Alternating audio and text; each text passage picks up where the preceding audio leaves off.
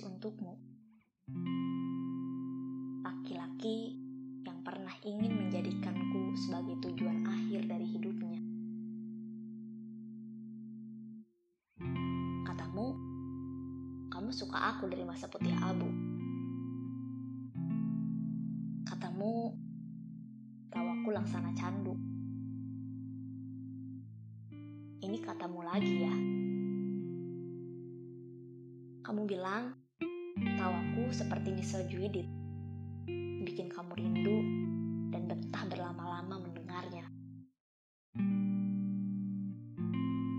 Kita sudah mengenal dari masa SMA. Saat kamu gemar sekali memperoleh piala untuk pertandingan taekwondo. Saat itu, aku seperti orang bodoh, menunggumu di depan IPA 1 tahu dari temanku saat itu bahwa kamu sempat menanyakanku kepadanya. Aku yang dulu, bahkan mungkin sampai sekarang, adalah orang yang tak peduli akan sekitar. Jadi aku tak tahu bahwa si pembawa piala kala upacara itu adalah kamu. Baru ku tahu semuanya dari temanku. Siapa itu dirimu? Kata kawanku kala itu, ada seorang laki-laki.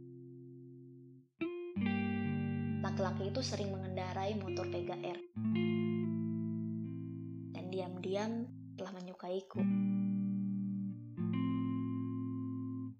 Kamu saat itu adalah seorang laki-laki yang baik, pendiam, dan juga pandai. Selain mahir dalam bela diri, kamu juga mahir dalam mata pelajaran fisika. Mata pelajaran yang sungguh tak pernah aku suka semenjak mengenalnya. Tapi sama seperti pelajaran fisika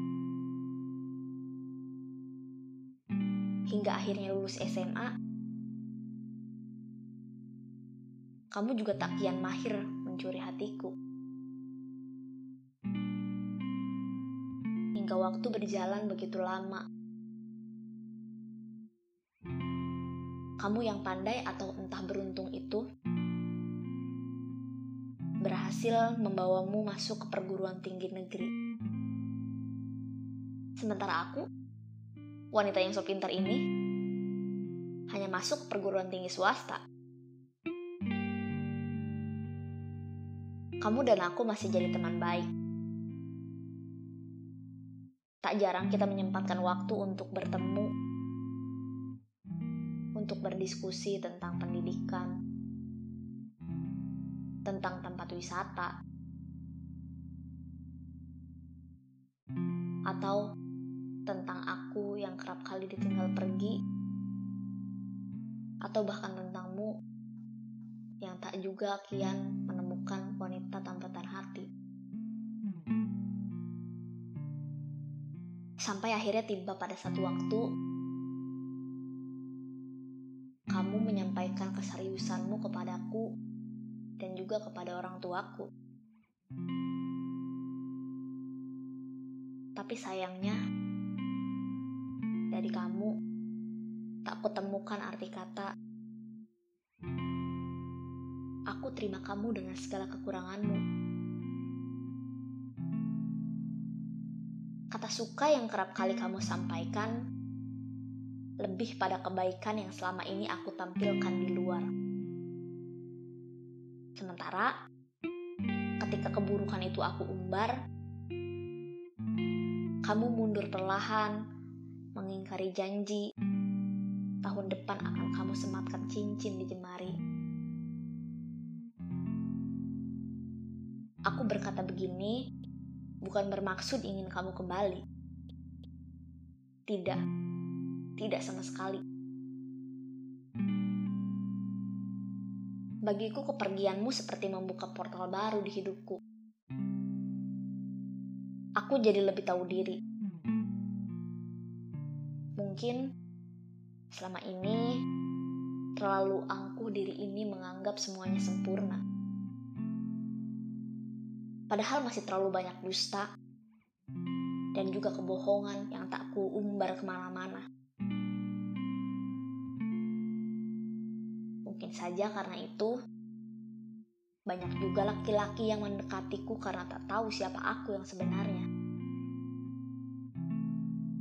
Sama seperti aku yang juga tak mau mengenal diri ini lebih dalam.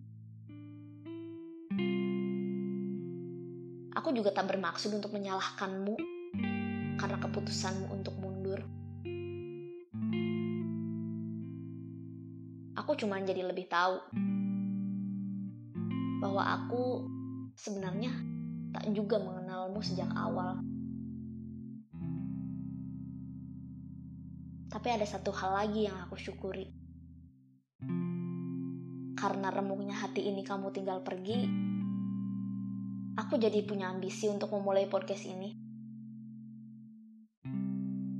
Terima kasih. Sungguh.